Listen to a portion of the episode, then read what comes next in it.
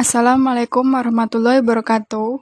Perkenalkan, nama saya Rika Andriani dari kelompok 2 ingin mempresentasikan hasil PPT dari kelompok kami yaitu pengertian dan ruang lingkup jaminan mutu. A. Jamin, pengertian jaminan mutu. Jaminan mutu adalah sebuah cara untuk memproduksi produk yang bebas dari cacat dan kesalahan. Tujuannya dalam istilah Philip B. Cosby adalah menciptakan produk tanpa cacat, menurut Zero Defect. B. Ruang lingkup 1. Membangun kesadaran mutu merupakan upaya pengesaran cara pandang peran dan fungsi organisasi pelayanan kesehatan dari memberi obat ke melayani pasien, dari pemeriksaan cepat ke pemeriksaan sesuai standar, dari pekerjaan saya ke pekerjaan kita, dan dari pelayanan yang tidak ramah menjadi pelayanan yang ramah dan penuh senyum. 2. Pembentukan tim jaminan mutu didasarkan pada surat keputusan kepada organisasi pelayanan kesehatan dan mendapat dukungan dari dari kepala organisasi tersebut. 2. Karakteristik mutu produk industri pangan.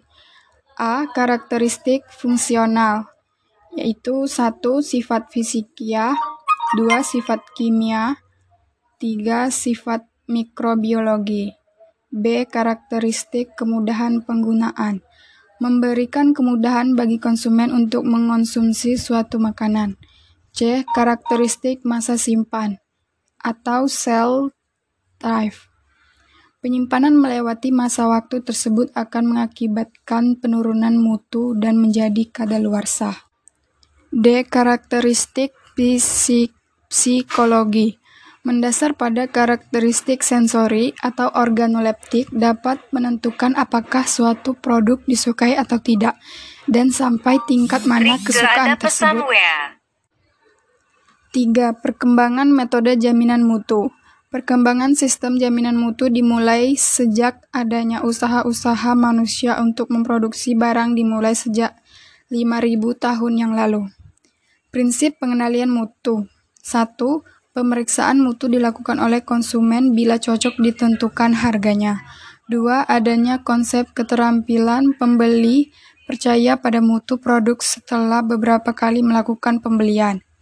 4. Penerapan jaminan mutu. Fungsinya untuk mencegah terjadi kesalahan sejak awal proses produksi. Ada dua jenis pengadaan bahan baku. Satu, quality control, yaitu melihat kinerja penjamin mutu.